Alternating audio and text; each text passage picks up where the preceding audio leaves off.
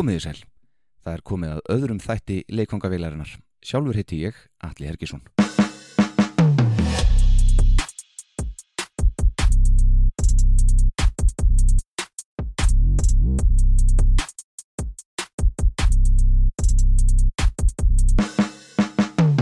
Við erum að fleita rjóman af tónlistarfólki frá Akureyri og nákrenni og fengum í síðasta þætti að heyra sögunars Jómba, trommara Brainpolis og í dag hittum við fyrir annan trommuleikara. Við ráðumst heldur betur ekki á gardin þar sem hann er lagstur í þetta skipti, nei, svo sannarlega ekki. En áður en lengri haldið þá er það Estri Adam Léttul sem býður upp á leikmungavillina. Gestur þáttarins er einna fremstu trommuleikurum þjóðarinnar. Hann er fættur í desember árið 1967 og hefur verið viðlóðandi framlínu tónlistabransans á Íslandi síðan hann var kornungul drengur. Hann hefur leikið með gríðalögum fjölda hljómsveita og má þar nefna og haldið ykkur fast sveitir eins og Axel Ógó, Sagaklass, Jaguar, Bildingu, Blueskompaníð, Riksjó, PKK, dægulega pöngsveitina Húfu, Mannakorn, Alvöruna, KK-band, Gítar í Slansjó og Brimkló á samt reyndar svo mörgum öðrum. Þekktastur er hann þó fyrir trommuleiksin í þeirri góðsagnagendu hljómsveit barafloknum frá Akureyri en hann var aðeins um fermingaraldur þegar hann gekti liðsvið sveitina. Okkar maður í dag heitir Sigfús Örn Óttarsson. Hann er kallaður Fúsi Óttars og þetta er sagan hans. En heyrum fyrst lag sem tengir okkur við Fúsa Óttars.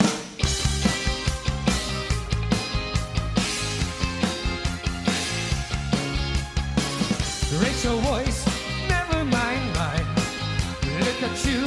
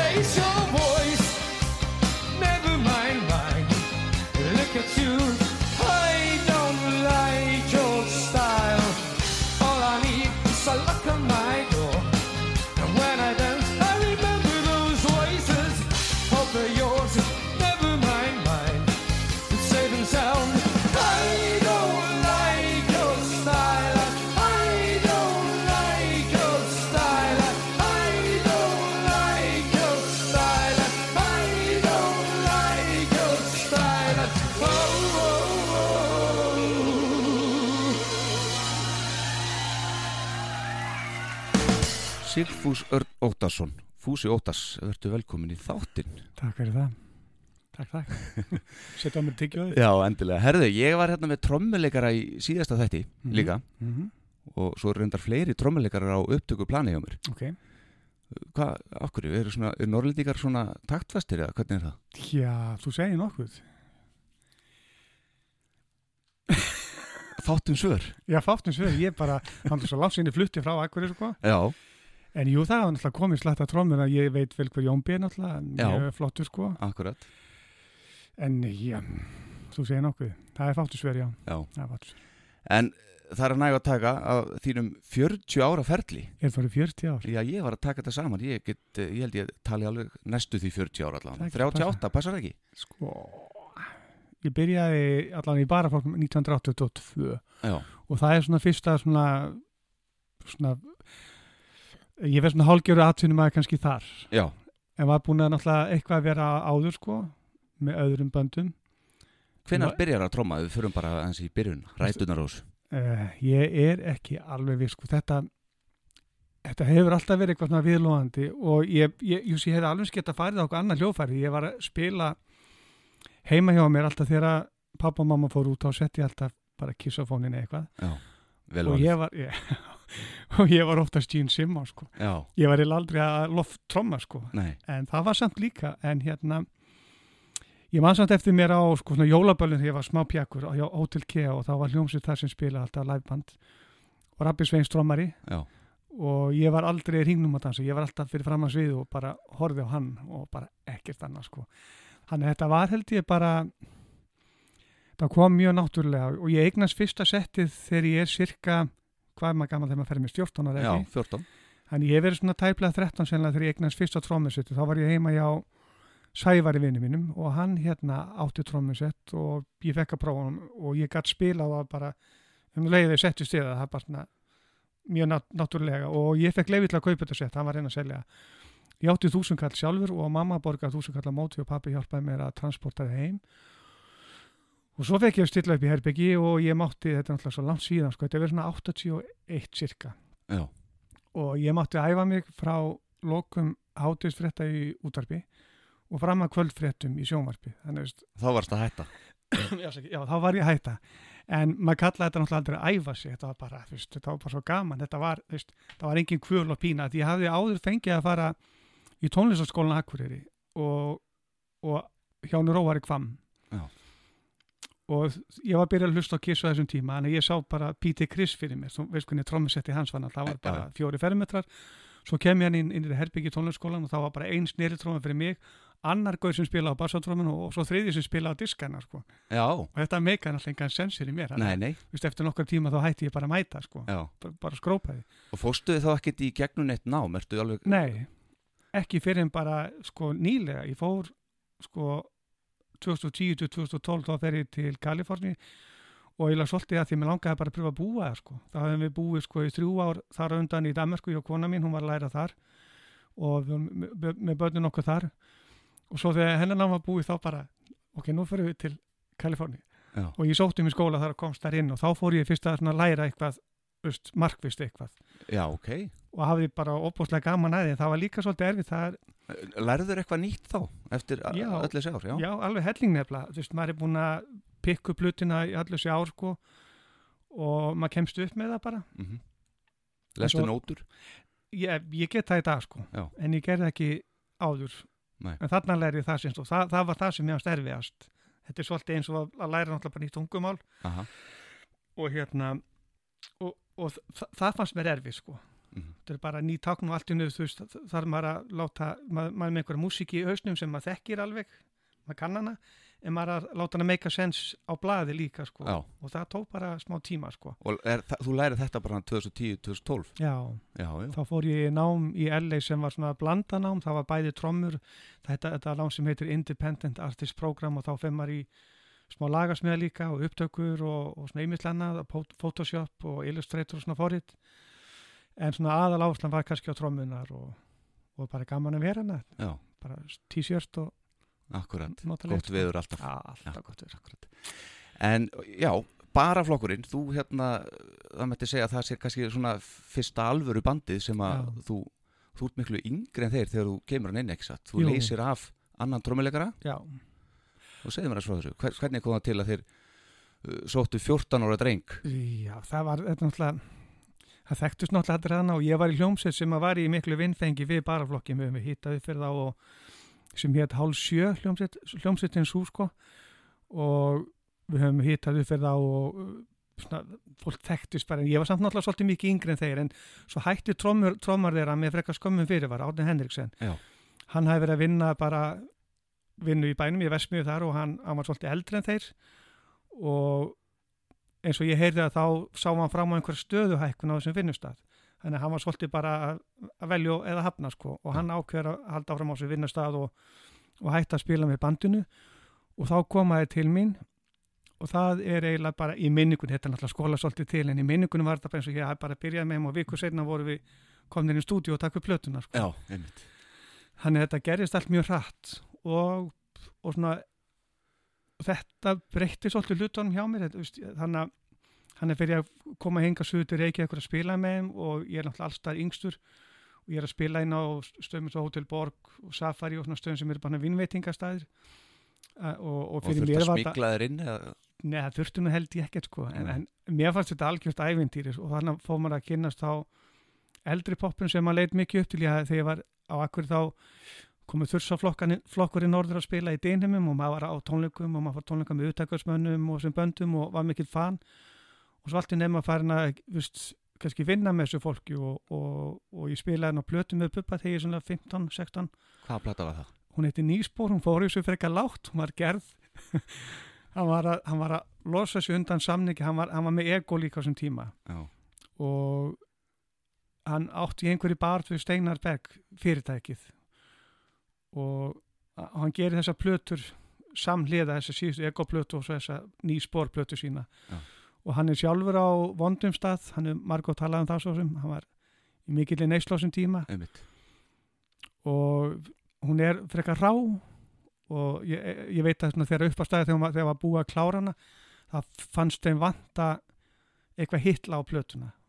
Og þá leitu þeir í sko plötun sem Ego var að gera og hann keifti vist lag af þeirri plötu til að setja þessa plötu til að gera Já, og það er lagið sem heitir Strákanur á borginni já, já. sem var mjög vinsælt. Mm og það er sennilega eina lagið sem ég þekkti þessar plötu sko. Og þú trómar það ekki? Nei, ég trómaði ekki, Ásker Óskars rólmódeli mitt, hann spila það sko. Já, já, ok. Og það er bara Ego sem spila það. En hvað hva segja mamma og pappi þegar að 14, á- 15 ára er farin að fara suður að spila okkur um vínveitikastöðum og vera í öllu þessu poppi? Var, var bara, ekkert mál? Eflust hefur það verið fyrir, fyrir þau eitthvað sko, en Já. þau voru opbóslega þessu hjálpuð mér rosa mikið sko, með þetta allt saman og voru opbóslega jákvæð og hvetjandi og hérna þegar ég svo flytt söður 80 og eh, sennilega 84 eftir að gasplatan kom út sko Já. þá er, náttúrulega- er ég ungur sko en þau gefa það eftir að ég fer með strákonum hinga söður sko en ég svo er nú sennilega ekkert auðvilt nú að ég er sjálfur 15 ára gamla dóttur í dag sko. Já, ég, þannig að maður getur aðeins svona reynd að setja sig í þeirra spór með þetta. Akkurat. En En, en uh, þú talar um gasplötunum þarna en uh, á undan henni kemur list já, sem er fyrsta platan sem þú trómar með barafloknum já, og það er nú hittari. Já, I don't like your style. Já, já, þetta er Þetta er orðið mikið köld þetta lag. Ég heyri það. Já Það, er mjög, það lifir góðu lífi þetta er búið að, hérna, þetta er mjög svona vinsælt gamalt 80s lag Já, ég, ég heyri það. Ég er svona, maður tekur svo ekkert mikið eftir því fyrir en ég sá einhvern veginn eitthvað, eitthvað vídeo á YouTube sem að ég var, nú heldur hálgir grín líka sko, einhverju gauðar að mæma það sko Já, og þá sá maður að þetta, já, þetta var svona fólk var ennþá eitthvað að hlusta á þetta sko. já En þi- þið fylgdu þessar plötu eftir eitthvað ellendis eða ekki eða hvað? Eða var það eftir gas? Vi, við spilum nú aldrei úti sko, en við tókum gas upp út í Englandi og ég frétti eiginlega bara svona setna það voru einhverja þreyfingar í gangi og það var svona það, það voru einhverja aðilar á eftir okkur en ég veit samt ekki alveg hvað gerði sko. Nei, ég var svona ekki með hugan kannski við þessa hluti á þessum ári. Ég var svona unglingur þannig ég var svona kannski svolítið bara njóta þess að að vera að spila og vera með og, og svona upplifa þessa hluti sko þannig ég var svo sem aldrei neitt inn í því en ég heyrði það bara setna mér að það hefði verið einhver vinna að í, lögðu það að reyna að koma okkur á framfæra það var svona einhverja þreimingar í gangi sko. Já, en þið spiluðu semst ekkert elletis aldrei helins, nei. En byrju, við hefum það sæmilegt held ég að báðir spilað á uh, CBGB's í New York. Já, já, já, já. það var hverjum var það? Ég held að það, það er með kopp, nei, það var með kopp og röggu í strax. Já, já, já. Og ég vissi svo sem ekki dömminna stað þegar ég kom þangað. Ég, veist bara já, það var bara gaman að koma hana. Já, það var skemmtilegu staður og heldur betur. svo hvort maður að setna hvers, konar mekka þetta var sko. Já, bara með fyrir að lesa um hennar stað þarna bara hefur bara rock senan lifði þarna í New York Já, og var hérna svo, já, og var svolítið bara til þarna sko. Já, Ramones til dæmis. Já, og Blondie og Talking Heads og fleiri svona Akkurat. late 70s, uh, sletta svolítið og early 80s, svona punk nýbylgjubönd uh -huh. þú hefur þá verið með Toy Machine eða ekki? Jú, jú. Já, já, já. Hvað árið það þá? 1999 Ok. og svo er því miður þessi staður það er búið að loka þessu staði Já, já, já. Það kom held í einhver túristasjoppa inn í staðin sem að byggir eitthvað á sögunni, sko. Nei, það er hérna, ég fór Já, uh, fyrir örfáum ára síðan það hérna er herrafattaveslun nú, ok. John ekki minna- Varveitos en hann, eh, sem sagt eh, ég kefti hérna bókum CBGB svo eitthvað, hann er með svona heldur smá sögunni lifandi hann inni en, þetta er bara fattabúð í dag. Já, ok. Svona er, svona já, svona er bara örlög margra staða. bara- Akkurat. En áfram með þig. Mm, þetta er ekki um mig. En, en gott ég að skjóta sinni, takk fyrir það. En hvað tekur við svo eftir að, að baraflokkurinn hættir?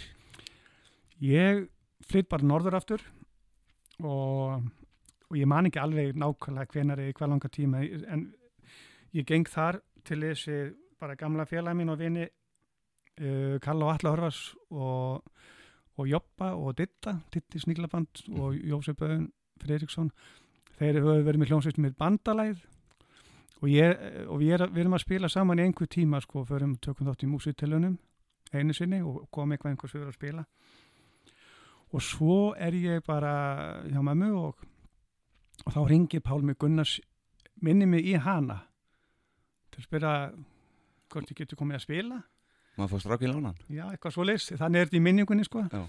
Og, og mér minnir ég hef ekki verið sérlega til að fara að heimann strax. Ég á svona, þú veist það var svolítið óreglámanni fyrir sunnan sko. Já, bara ég kunni reynlegt að sjá um sjálf mig, þú veist og bjóði svona ymsar aðstæður hvernig óregla? Varstu, var, voru, var drikja á eituli eða eitthvað svoleiðis? það var einhver neysla sko, og þarna aðalega drikja á mér Já, en maður var svo sem að fykta við annað líka sko. Já. og svo bara þú veist, ég hafði ekki ræna á að sjá um sjálf mig bara vinna og bara leia mér herbygg eitthvað þú veist, var maður svolítið í því að, að fyrst þegar ég flytt sögur með baraflögnum þá, þá bý ég heimi á Þór gítarleikar og kona hans og Ómari Sinera og svo kemur að því held ég bara kona Stórsson haldur og bara vill ekki vera með hennar ungling alltaf á heimil nei. Þannig að ég flytt sko og, og, og hérna, það er no hard feeling haldur að þú heyrir þetta. Og, og ég flytt þá, þá er Tommy Tom stuðmaður, þá er hann að gera upp íbúð á njálskutunni og hún er svona bara ráæn, það er ekkert inni. Og ég flytt þangað inn.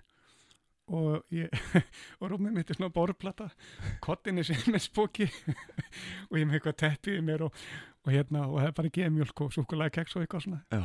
og Þú varst ekki til í þetta aftur sem sagt. Nei, og ég fer þaðan og enda á því að við búum nokkur baraflókstrákanir saman í æfingaplásinu sem við deilum með Ego og einhvern fleiri böndum. Megasvaran og einhverjir svona eldri músikantar. Já. og sem sagt, já, ég bara hafa góðu vanum frá mömmu. Já, og ég kunni ekkert að sjá hann sjálf mig, ég átti að mig á því bara betur í dag þegar ég horfði tilbaka, sko. Þannig ég var sem sagt ekkert alveg til í að fara kannski heimann alveg strax en svo verður það úr að ég fer að spila með Pálma Gunn eitt sumar í Vestmanni og það er í fyrsta skipti sem ég fæ svona laun fyrir að spila. Og bara nokkuð góð laun sko. Og við erum eitt sumar hann og endur svo á þjóðatíð og svo upp úr því er þessi spilamennsku í Vestmannum búin og þá er ég að þvælast eitthvað með þá mannakornum. Og ég spilaði ná eina plötu með þeim. Hvaða platta var það? það er plata sem að, ég man ekki hvað heitir en ég spila tvölega á henni, það er komið sumar. Já. og annar lag sem heitir Hortnafjara Blues Já. Og Ragnar Sigurjónsson trommuleikar sem ég hef tekið við af þessu, í þessu bandi í Vestmann hann hafði spilað sko hinlaugin á plötun sem er hérna á Rauðu Ljósi og margt eftir þeim Já.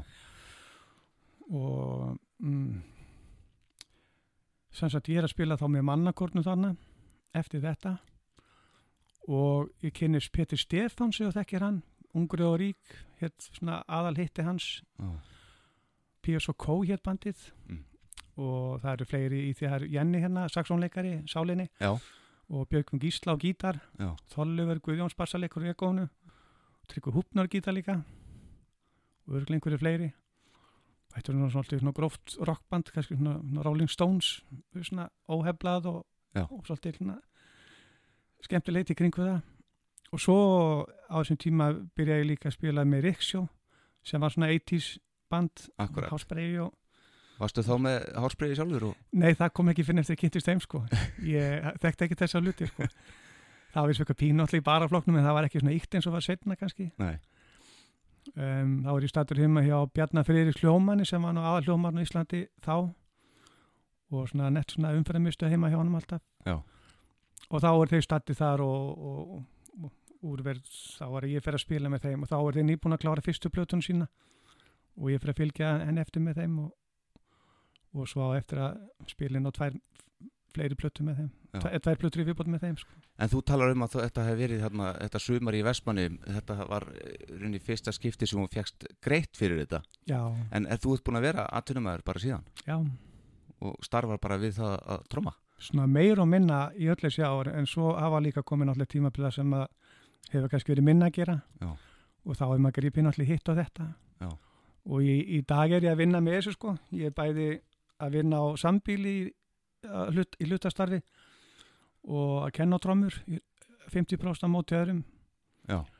og þannig að þetta er svona bransi sem maður gengur svolítið upp og niður, stundum er mikið að gera og svo er minna að gera og, og einmitt. En svo þú ert búin að vera í, eins og ég myndist á henni í ingangnum í fullt af hljómsveitum og, og hérna Mm. tóttmobili, varst ekki eitthvað með þeim? Nei, aldrei í bandin, ég er að spila með þeim tvisvar Já. að vera að leysa af sko uh, Þannig að þú ert svolítið gaurinn sem er hringt í þegar að hérna að vantar trommuleikara. Já, það er oft verið þannig sko Já, svona með skömmu fyrir var að jafnvel og um, já já, ég, maður er spilað með mörgum þetta er svo sem ekkert stór bransi þannig en samt það eru mjög margir kannski sem maður hefur hitt á, á, á leiðin sko sem hafa kannski helst úr lestinni en þú veist margir sem byrja það eru kannski ekki margir sem kannski halda lengi áfram sko. Hvað segir maður að svo Riksjó? Hvað, hérna, það er hljótt, hlýtur að hafa verið ykkur svona glans, ekki satt? Í, já og nei, maður sér það einhvern veginn allt öðru sig kannski heldur en kannski heldur en svona, það ekki. Kannski utanfrá. Um, þetta var náttúrulega þannig tímabil að þetta var mikið svona glans tímabil. Þetta voru, Varstu með ramastrómur? nei, ekki, nei, ekki þannig nei. Nei. A- það kom vísu setna sko Já.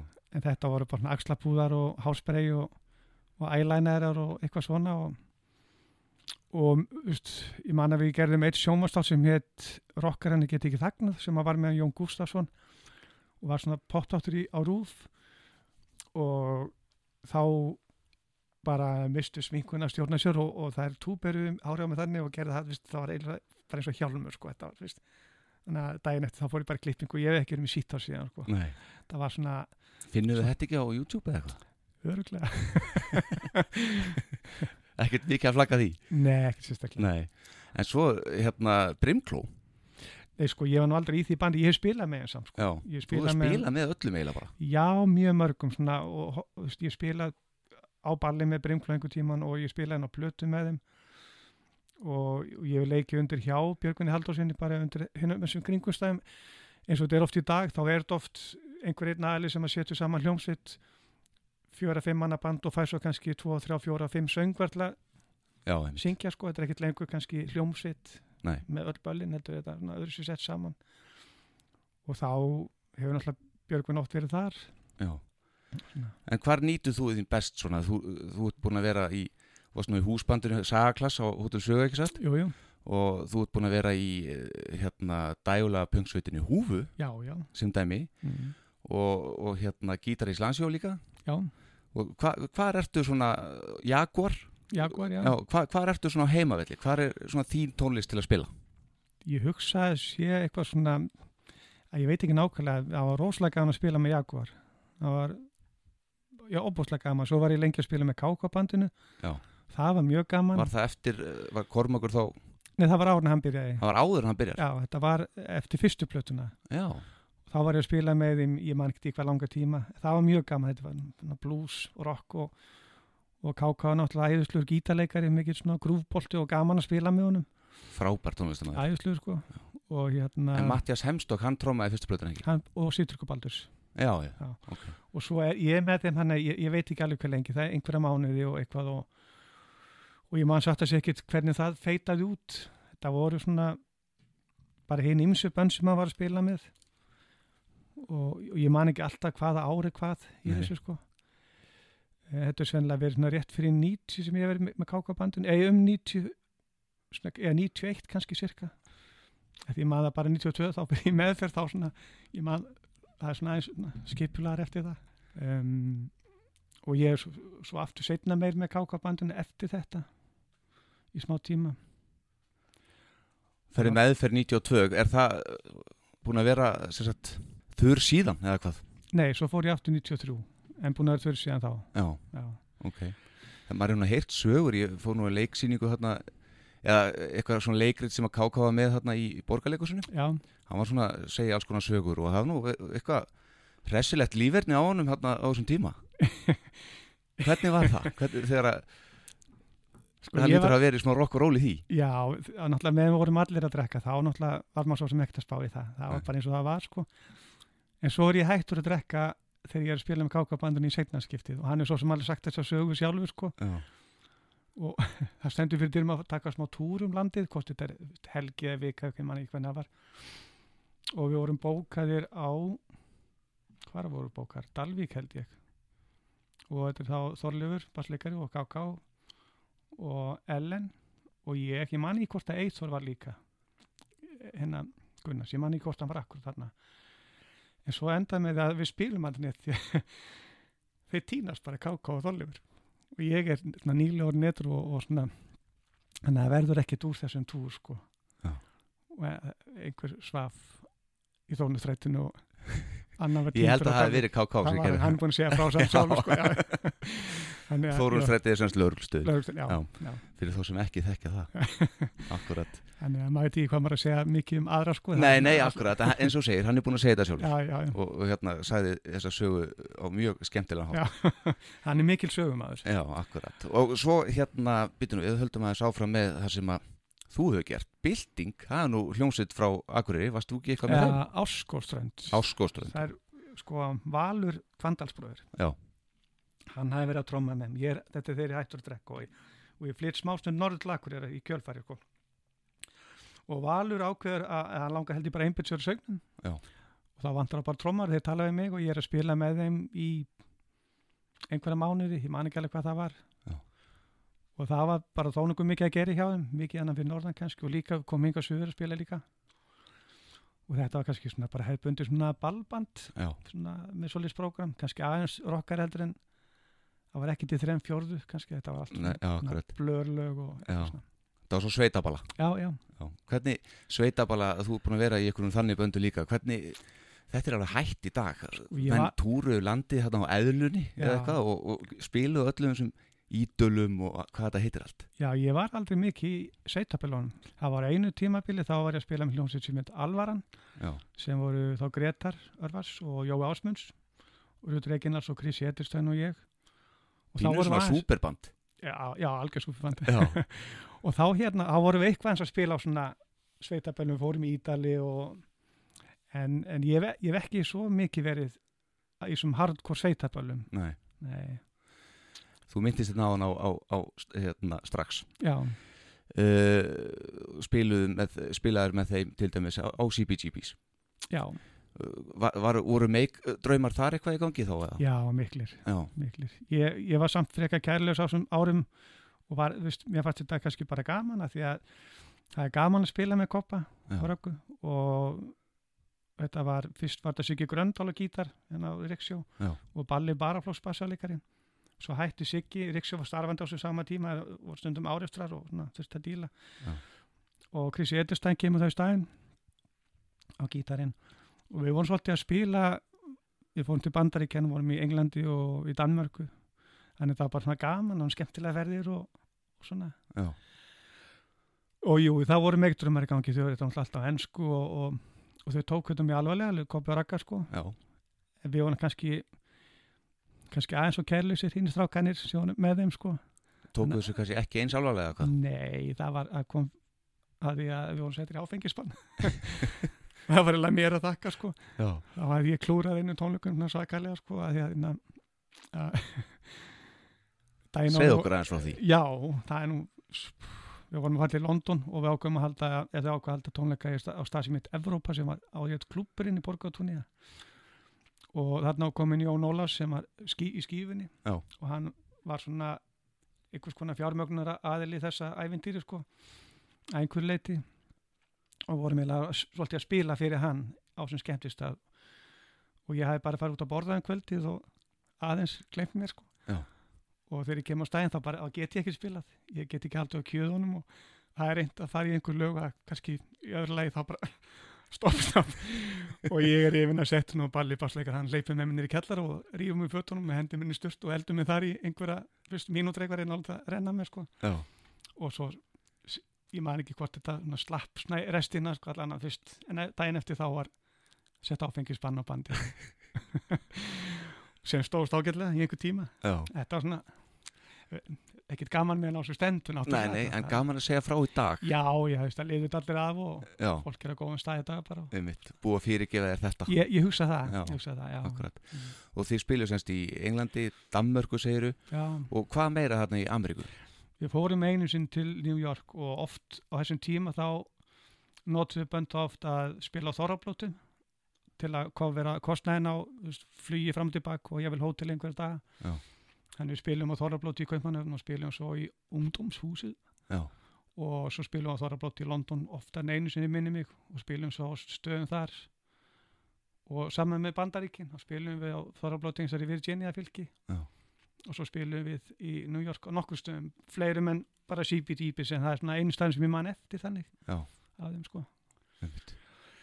Þannig að já, það var alltaf einhverjum megin draum og þetta er, að- þetta þessi draumur flestar sem að detti inn í hennar bransa þú veist, ég man eftir mér bara sem pjakk, ég var fann að hugsa um svona hluti löngu ég sko eignaði sljófæri eða var komin hljómsýtti bara, ég átti Kiss Alive 2 blötuna og ég sett hana og ég opnaði bara fólderinn sko og horfði bara á sviði sko og þú veist, þetta allt ljósum þetta og mér fannst þetta bara æðislegt. Ég, bara, ég var alltaf hrifist af svona hlutum sko.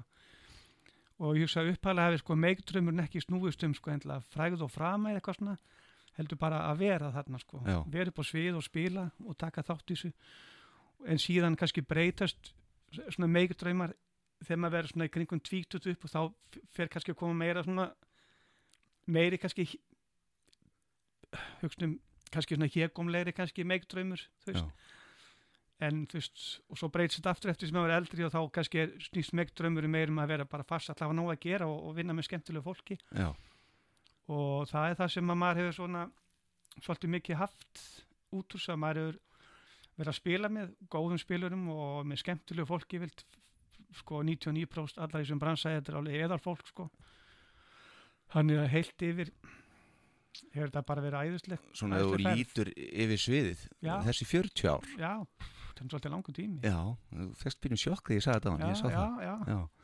Maður þú, lít, þú lítur yfir meikið lítur bara að vera komið þó svo sé ekki fræðu fram með ellendis ég meina þú ert búin að spila með öllum helstu listamennum hérna síðust Já. 40 ára.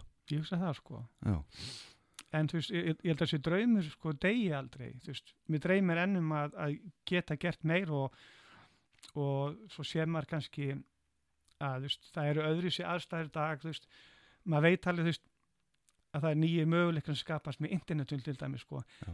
en á samaskapi náttúrulega miklu meira næs líka, því það er svo margir akkurat sem stefna á hana sama blett og það er náttúrulega margir kallar en fáur útvaldir þegar að kemur Já, já. að geta starfa við þetta, að einhverju viti sko. Já, og svo líka pluss það bara, ég þekki það bara að ein skinni sko, að bara það að komast í stúdjó hérna áður fyrir var náttúrulega risa stórt Já, og hérna oftar en ekki hjá Kristínu Eitelsten eins og allir á fyrir norðan. Já, en já. hérna í dag ertu bara eh, heima í bílskur og tekur bara upp útvarpshæfta lag.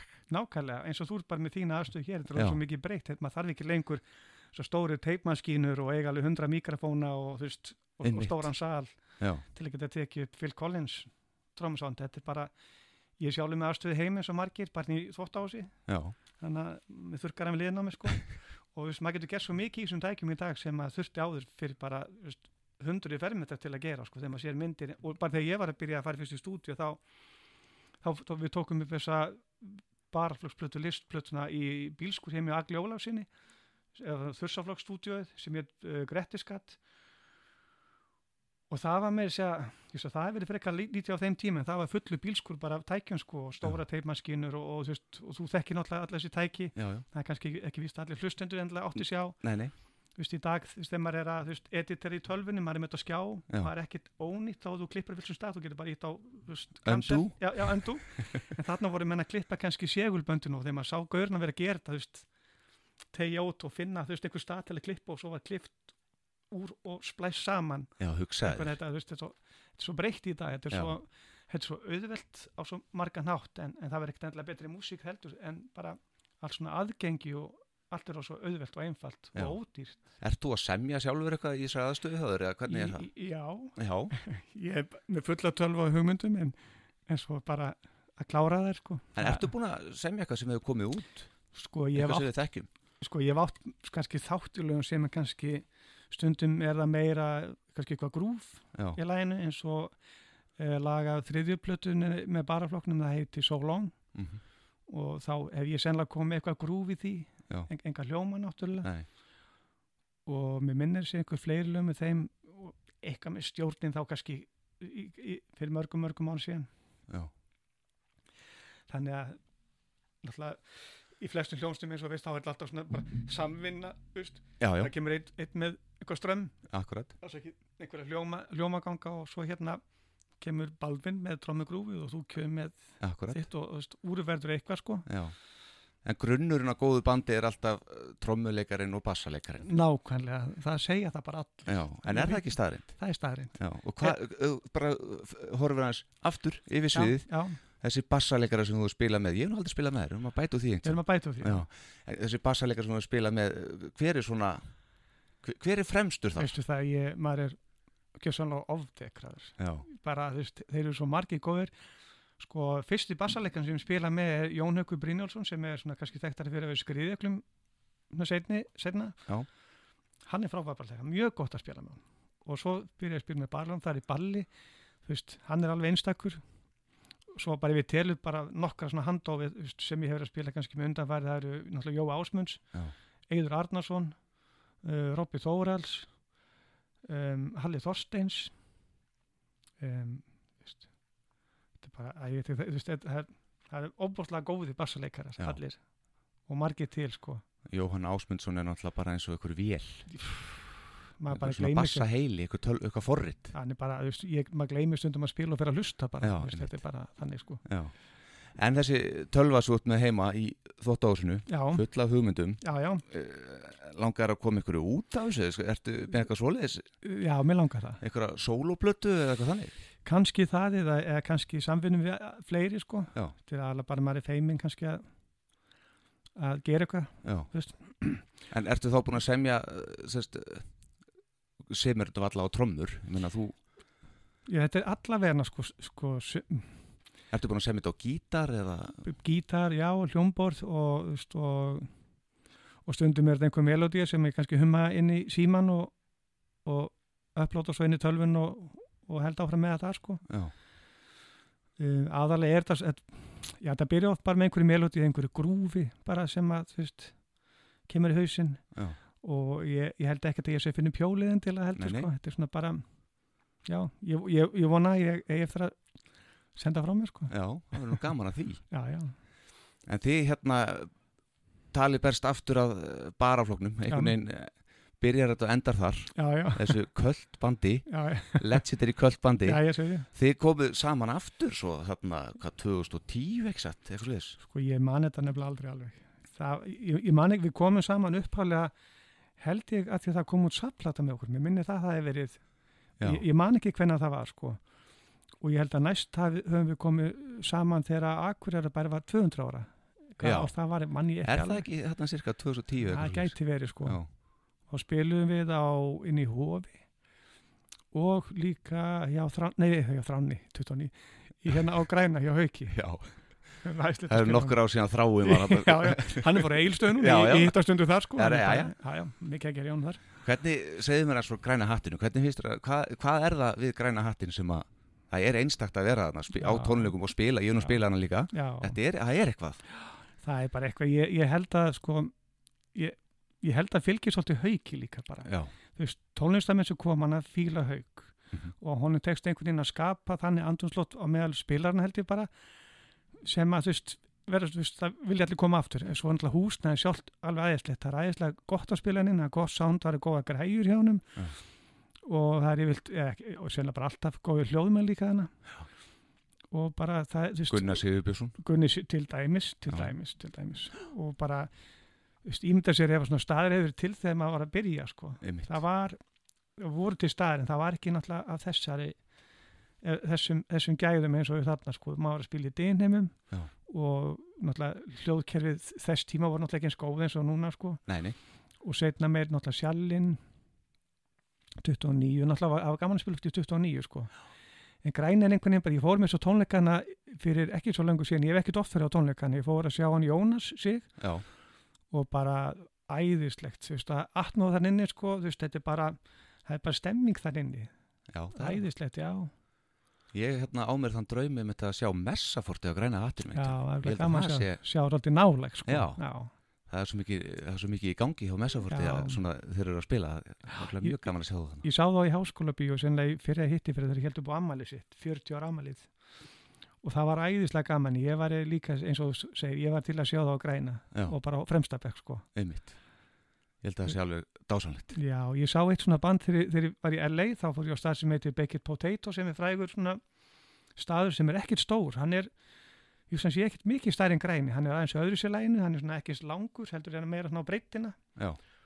og þá satt ég bara 2-3 metra frá Simon Phillips trommara sem hann var að spila og, veist, og það er svo gaman að sitja hann nálægt. Ég hef ekkert gaman að fara á stóra tónleika endla. Ég, ég sá Guns N' Roses í parken e, þegar ég var 50 Já, já, það er eitt öll síðan og það var það eru tvö ár síðan þú sé. það. Ég veit að miklu Já. áttölu og allt miklu meira reynaldur en þú. En það var, þetta var gaman að sjá það og maður þekkti megni að lögum og svona, en þetta er samt þeir svo opbóta langt í burt og Já, svona Svona stadium tónleikar. stadium tónleika, Já. veist, 40-50 manns eitthvað, og ég hef séð U2 og svona tónleikum, það mér finnst meira gaman að fara á svona intimate, svona, kannski svo græna og ég fara á Ronny Scott í London, það er svona lítil staði líka, er svona lítil, það situr mann á heyri maður vel, maður sér vel Já. og svona, Einmitt. Núna ert þú maðurinn sem að uh, tónlistamenn virðast ringja í þegar vantar trommelikar eins og við rættum hérna áðan. mm. Hefur einhvern tíðan fengið eitthvað verkefni sem að uh, hefur bara, hvað við segja, verið erfitt eða verið svona, kannski, ekki, ég segi ekki þér ofiða, en svona mikið challenge, veist, eitthvað, eitthvað ringt í þig með eitthvað slíkt verkefni. þetta minna þá spilalega Já, eða, eða hvað sem er, bara, sko flest þessi verkefni sko snúast að mjög, sko að spila á böllun til dæmis þá eru flest böndin með sömu, þú veist, þetta er svona 50-60 laga kannski katalókur sem allir er með. Já, þá er bara spurningum hversu hratt þeir vilja taka það eða hægt og hvernig byrjaði að enda það, annars er þetta svona svolítið bara bara rúla svolítið sko. Já, það er kannski mm, en þú segir ekki alltaf já, er það, það lítur að, ofta segja nú já ef ég get sko. Já, já, að ég, ég, ég hef bara gaman að því sko að spila. Og, og ég miklu meira gaman að því í dag heldur nokt með náður sko.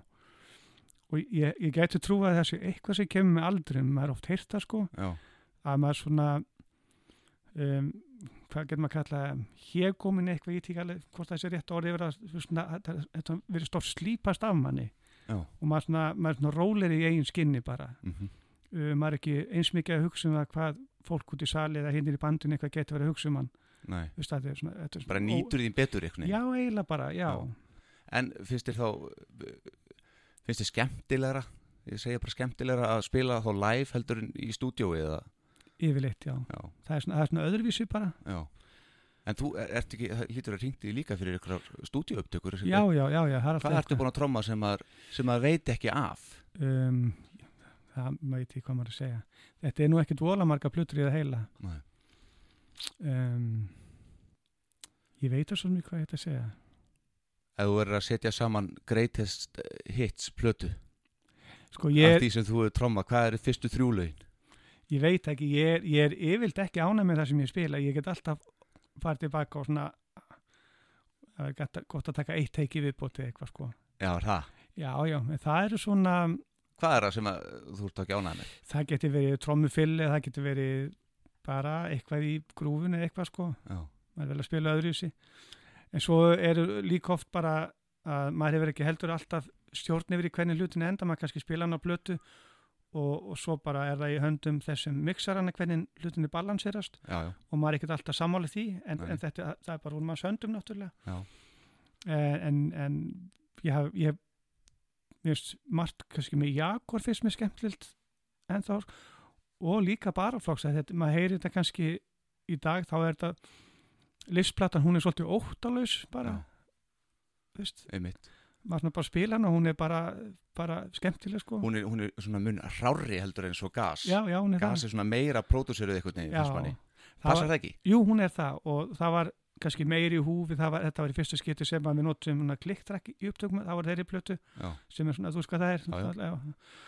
og Lætur þið halda þó sama hraða út all leið? alveg óslitið, Hvernig, hvernig finnst þér að spila með það er hún? mér finnst ekkert mál í dag sko. Nei. Man Gerur svo- þá böllum og, og live? já, já, það, það er oft notað. Stjórnin notar oft við sumlög er, er svona playback. Já. þá er það kannski eru bakrættir eða það er einhver hljómbúr sem bara Greta getur ekki spila þannig að náttúrulega bara með tvær hendur sko. Já, já. eða ég vel, þú veist, svona blástur hljófar eitthvað sem er á upptökun sem hann langar að halda í. Og, og þetta er alveg þeirra lögum þá sem er svona klikktrakk en ég er mjög vannu því að nota að spila eftir því sko. Og það trubla mig ekki neitt ok. um, það, Og þið notið sérst klikktrakk hérna fyrst á, á gas? já og þá er það svolítið að byrja það er svona að byrja svona trend á þessum tíma þetta er svona í byrjun 80s tímabilsin þá er svona, er svona síkvansir að koma svolítið inn Já, svona hljómbúr að vera prógramera svona meira og að, það allt er að byrja á samplera og svona Já. á frumstigum kannski þið voru svolítið í því?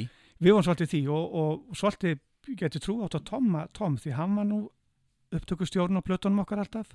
Hann Tó- er búin að vera upptökustjóri og ótrúlega mörgum góðum plötum. bara, já, Alveg magnað. já. Hann á ótrúlega stórt fingrafar á tónlistasögunni sko Já. og svona langt aftur löngu árna ég kynnist honum sko, þá var hann að pródusera plötur. Hann byrjar held ég að pródusera svolítið með Gunnar Tórðar hann vann með honum, ef maður setja ævinn til plötum sem hann gerði, svona barnaplötur. Ég geti trú að það getur verið hann svona fyrstu kannski skref eitthvað inn í það en hann var náttúrulega opbóðslega músikalskur. Hvernig var að vinna með hún? bara æðislegt. Það var opbóðslega fyndin maður og skemmtilegur og svona og peppandi, hann var opbóðslega góðu við mig. Vist, ég var alltaf ungur á þessum árum og, og hann tók mig bara sömulítið svolítið að sér sko. Hann útsaði mér svona fyrsta álur trommusetti mitt. Hann hérna það var hljófarverslun sem heit Pól Berbúr sem var á Rauðrástignum tónabúin var það setna í smá tíma. Já, og þá hafa hann komast að því að það veri nýtt trommusett sem að nýtt á markaðum, Yamaha 9000 recording og það bara, sá sem að panta hann hefði hætt við eitthvað. Hann, hann fer mig í búðina og bara við kíkjum á það og verður hann þú veist, bara skrifar upp alla víksla og ég fer út með glæni trommusett sko. Áttu það ennþá? nei, en hérna Jói Hjöl egnaðist einhver tíman, svo seldi hann það einhverjum ég tík hvað var við það. En já, hann var bara æðisluður maður, hann var skemmtilegur og, og svona, já og það var gott að vinna, hann svona ítti manni alltaf ölliti áfram svona, Hann var upptökustjóri á gas. já, og líka hinnu tveimur sko. Já, ok. þeir, þeir kynnast honum bara á fyrstu plötinu Já, sko, og svo hélt það samstarf áfram bara já. Þannig að það var allt tekið upp náttúrulega fyrir sunnan. já, allt, fyrsta platan veit ég að tekinu upp í hljóðrita önnu platan hann að listum og tekinu upp í Grettiskatti á Agli já, og svo var gasplatan tekinu upp í Englandi Já. á hann að fyrsta ferði mín til útlanda og það var mjög gaman Var, var það fyrsta ferðin til útlanda bara ever? já, ég hafði aldrei komið til útlanda Já. og bara maður kom út úr Hýþró flugstöðinu og, og það var kannski 20. hiti og maður aldrei bara upplifað hann eins Nei. og lyktin í borginni mjögst þetta æðislegt að heitum albyggi og, og þarna pröfaði maður indveskan mat í fyrsta skipti og kýmveska mat og bara ægislegt og fullt af bjór sem náttúrulega fegst ekkert á Íslanda Nei, þannig að þetta var svona ímislegt, svona skemmtilega sko. Já, og ég týndist í tólæningana já, er það? já, já, ég sagði nú með mig ekki frá því fyrir setna sko. Þá hérna hafði mér lent saman ballabassaleikara eftir einhverja bjórdrykkjuna sko. og ég ákvað bara, ég ætla ekki að hanga með sönguðurinn lengum og, og lengur. Og þegar þeir fór út um kvöldi þá bara, nei, ég ætla að vera heima bara eins og laumast ég út í skjóli nættu, fór að puttanum já, og hýþró og, og náttúrulega komst að því að það náttúrulega Já, þú ætlaði bara að fljúa ég heim? ætla bara að fara heim sko, bara, Já, já. helvitis úr sko. Já, þannig að svo bara þurfti ég að redda mig tilbaka daginn eftir og það tók smá tíma og ég að, fór vel að endan sko. já, já Platan alltaf, hún var tekin upp og kom út upp. já, já, já. En stjórnin, það er nú Stjórnin var nú gríðarlega vinsal hérna, hvað það segja 90s Já, sko, þetta, þetta er svona þetta er svona eiginlega eins og sko þriðja kjörtímabilið í núna, þetta, sko þau voru fyrst hann að öðru mjög vinsæli kringum eitt lag enn. Já. og þá eru í bandinu Steini Gunnars og Jónsi á gítar og Einar Brei á saxofón og Eiður, bassleikari. Já. og svo hætta þeir og innkoma þá Halligulli mm frá okkur innallega og Jói og Frissi ásmenns úr Mezzo og það verður svona þriðja kannski. Svo kem ég inn í bandið 95 eða 6 þá byrjum við saman ég og Kitty Gretas, Ónarans Gretas og Davíð Þór Jónsson hljómbúrsleikari og saxónleikari. Og svo er núna í gangi, ég er kon aftur í bandi núna og þetta er svona, það gengur mjög vel núna þetta er eins og kannski þriðja kjörtum með bilið og þau eru búin að vera með vinsar lög núna og, og gengur mjög Mikið gleði yfir lögum stjórnarinn Þetta er svona, það er örgulega gaman að spila þetta ekki var mjög þakklata áhörundur Jú, og þau eiga mjög digga aðdóndur sem, Já. að- já, Einmitt, sem að fylgdi allan tíman sko, frá upphæðu og til dagsins í dag sko. En áhrifavalda þínir í, í trommuleik, tónlist trommuleik Þeir eru margir og þetta fléttast allt svona saman. Ég, sko, þegar ég var lítið þá var þáttur sjón, sjónvarpinn sem heitir Rockveita Ríkisins og það sá ég trommara, Rock veita ríkisins já, það var svona, Þetta hljómar mjög mörg ár síðan já, mjög, Já. það var einhverju heitakar og eitthvað, sko. Það er auðvitað að finna þetta á YouTube. Og hérna, þar sá ég trommara eins og Sigga Kalls Já, sem að sinna spila hann á fullta plötu sem að ég lusta mikið á Halló Ladd á þessum árum. Just, og þar trómaði hann mikið, hann var svona kannski fyrsta ædolið fyrir utan Rabba Sveins á Hotel Kea já, já, einmitt. Og svo setna þegar við erum öllum til eldri þá, ég- þá kynist ég þursafláknum músíkin og það Geir Óskars verið mikill áhrifavaldur. Og svo Maggi Stef sem var í utangarsmunum og Eko. Já. og Sýtur ykkur Baldur sem var í Þeysurum. Þetta eru svona kannski Þetta þrír- er allt íslendingar. Já, þessi trommara eru svona kannski sérstaklega þessi þrý síðast nefndu að því, þá er maður sjálfur byrjað að tromma og svona ég verð fyrir miklum áhrifum af þeim öllum sko, og þeir hafa allir gert stórkostlega luti sko, hver með sínu bandi. Svo fyrir maður að svona líka að hlusta á elendotróma, Píti Kristi náttúrulega ædol líka þarna á tímabili sko. Trommuleikari upprunalegi. Kiss. Já, og svo eh, unglísáran þá heyri ég böndum eins og Stíli Dan og svona. Og þá koma trómar eins og St- Steve Gadd og svo Peter Erskine og fleiri og svo sé ég veður í Porta Live eh, á tónleikum í London þegar ég er hérna í baraflokks upptökunum Já. og ég vissi ekkert hvað band þetta var, ég held þetta var eitthvað New Wave band sko, þetta er svona fusion band. Einmitt. Og þar er Ómar Hakim á trommur og það er bara andlegu upplöfun, ég hafði bara aldrei séð hana þeim sko. Já, að hvað leiti, hvað? Að þetta var bara sjómannsippi líka sko, þetta var Já. æðislega gaman því voru sko visual flotti sko, þetta var ekkert bara einhvern alvarlegu jazzið eitthvað, þetta var bara svona og hann og Joe Savinul keyboardleikari voru, veist, voru að treyta voru að svona taka solo til skiptis og fyrir Já. mér var þetta bara alveg, ég hef aldrei séð annað eins sko. Og það- á þessum tíma er Ómar Hakki náttúrulega svolítið up and coming, hann spilar á Let's Dance plötum Dave Bowie á þessum tíma. Já, já, já, og Sting, hann að Bring on the Night og Dream of the Blue Turtle sem er fyrsta sólplatna seldi ekki að önnur. Þannig að svo náttúrulega margir þess að usual suspect sem allir trommarar já, já, elska sko. Gunnar Jökull já. Hann Hva, sko, nú er það er það mjög þekkt að, að hérna sagt að hann hafi fundið upp tvöldabítið já já. Hvað er það? Vistu, ég er þess ekki alveg viss. Ég held að sé ég held að sé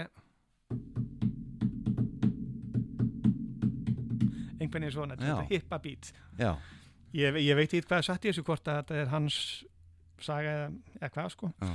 en ég man það bara, ég, ég, spilaði, ég spilaði með hljómum á þegar var að opna hljómasafnið í, í Keflæk sem er gamla, gamli stapin og það er svona Já. tónlistasafn sem ég hvet fólk til að sem hefur gaman af tónlist að, skí, að kíkja á og þar var trómusetti hans Gunnar Jökuls og það var bara fyrir mér eins og komin í Taj Mahal eða Kremlin Það er já, það er bara sapgripur og það er bara það var það sem snerti mig mest sko, því að Já. hann var æðislegu trommari Já.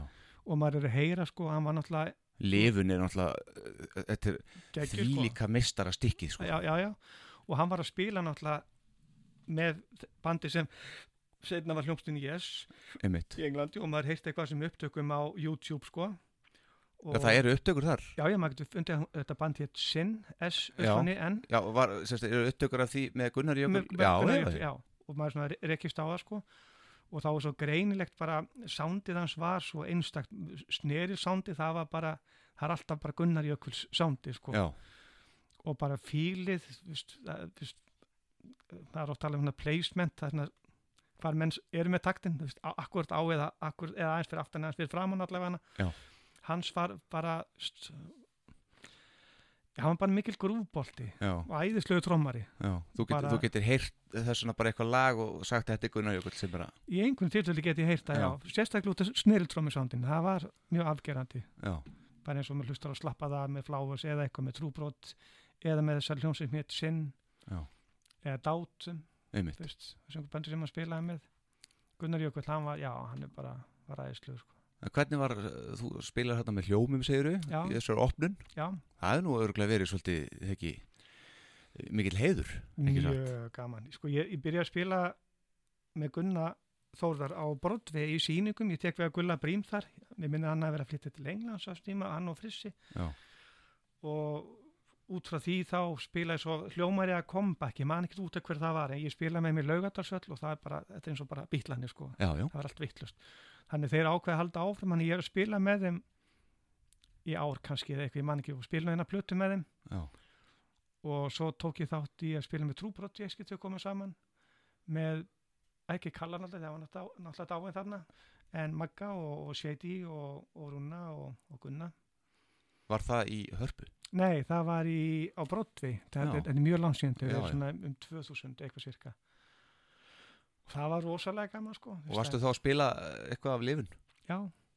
Og, og hvað, og, mér og, eins einhver coverlög sko líka með the Family Stone, þau- þau tóku bara gott, ég fekk bara einhvern lagalist, ég manni kostaði 10-12 lög eða eitthvað og ég Já. bara lærið það og svo talið í.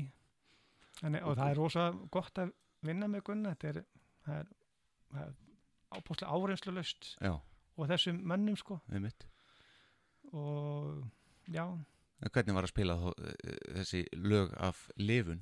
það var bara eitthvað Er það ekki? gaman, það er st- stressandi líka því að það er náttúrulega fullt hús af fólki sem þekkti Já, þetta Lögin einasta alveg. tón. Já, já, já, og hvert einsta slag og allt það sko. Já, þannig að það var rosa gaman, það var gaman að spila með hljómi. Ég spilaði með bara böllum, þeir voru að spila böllum út um allt.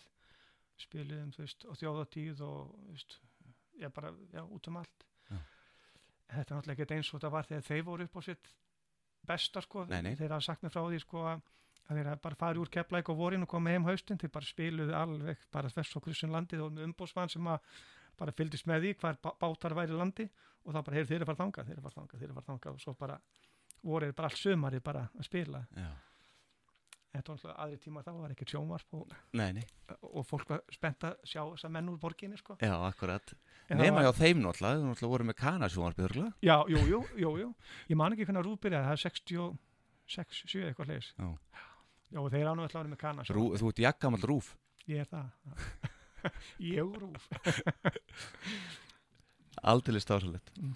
Herðu, já, ég held að þetta sé bara verða ansi gott okkur fúsi. Já. Eitthvað skemmtilegar sögur, eitthvað bransasögur sem þú koma ég man ekkert og svo er náttúrulega sumar að bunna trúnaði líka þessum eru, Er það ekki flestar þannig? ég held það sko Já, er það ekki heiðismanna samkvæmlega? það, það er svolítið þannig sko það er margt sem gerist og, og skeður út á landi og út í löndum og svona en Já, En svona í setni tíð er það samt orðið voðalega dannað. Bransinu hefur breyst mjög mikið, þegar orðin ég hætti til að drekka þá var mjög algengt og, og náttúrulega fyrir þann tíma að menn væri bara djúsa í vinnunni, sko. Já. En svo í setni tíð er það orðið mikið þannig eins og bara með tilkomu hörpu, veist, menn er ekkert fullir lengur á sviði eða með síkart og bara að lappa út á sviði í, nei, í nei miðjulægi eða eitthvað, og Akkurat. hvað reyta, sko. Maður heyri stundum hvernig það var í gamla daga þegar eins og þegar að, held ég KK60 þessi böndur að spila, þá var það svona spöndin, það var bara inn í dílnum þú spilar og svo ert í pásu þá ferður bara til sagla og minglar og tjattar Já. og, og drekkum með gestunum þannig að menn voru alltaf bara, bara í staupinu sko, blind fullur og kerið svo bara heim. Þannig að þetta er svolítið breytt í dag þetta er svona, það er bara heilt yfir svona mikið svona fagmennska í gangi fyrst mér, þú veist, það eru mikið að góðu tæknifólki og það er svo mikið að góðu tónlistafólki en ég tók eftir þegar ég fluttu heim 2012 að það hafa orðið bara umskipt þá kom bara ný kynslu af tónlistafólki og, og í dag veit ég að eða vantar til þess trommara og e- það er ringt í þennan, hann kemst ekki þessi kemst ekki, þú veist, það er ekkert mál því það er fullt af góðum trommurum og Já. góðum bassaleikurum, gítarleikum og, og, ma- og það er mikið orðið að blásurum sem maður sér í giggum, þetta er meireldur en var áður sko, þannig að við spransinn svona heilt yfir, bara flottur sko, mjög professional á öllum sviðum og svona, einmitt. Maður alveg tekið eftir því. Já, uh, framöndan va- vonandi fáum við að heyra uh, plötu frá þér. Það verður nú gaman ef þú myndir nú hérna koma út úr skápnum með þessar upptökur og, og Já, þessar já, hugmyndir. Já, já, game for a day. Já, akkurat. Ég, ég kem inn til þín, þú, þú fengir fyrstur að vita verður, Ertu til í það? já, já, Kanski fæ ég að frumflýtja lag? Já, hver veit? Hver veit? hver veit, Herðu, Fúsi Óttas, trommuleikari uh, oft kallaði trommuleikari Íslands. Ég veit Hvernig finnst þér það? margir, já, ég veit ekki, er margir. En ef maður bara googlar þig Já. þá kemur þetta fram sko. Já, þú eru að sætta við það. Ok, Takk kærlega fyrir spjallifúsi og ég hérna ætla að vona að þér gangi vel í, í, með þessa plötu sem ég vona innilega að komi út takk fyrir Takk sömuleiðis. fyrir, takk fyrir að koma Takk fyrir mig.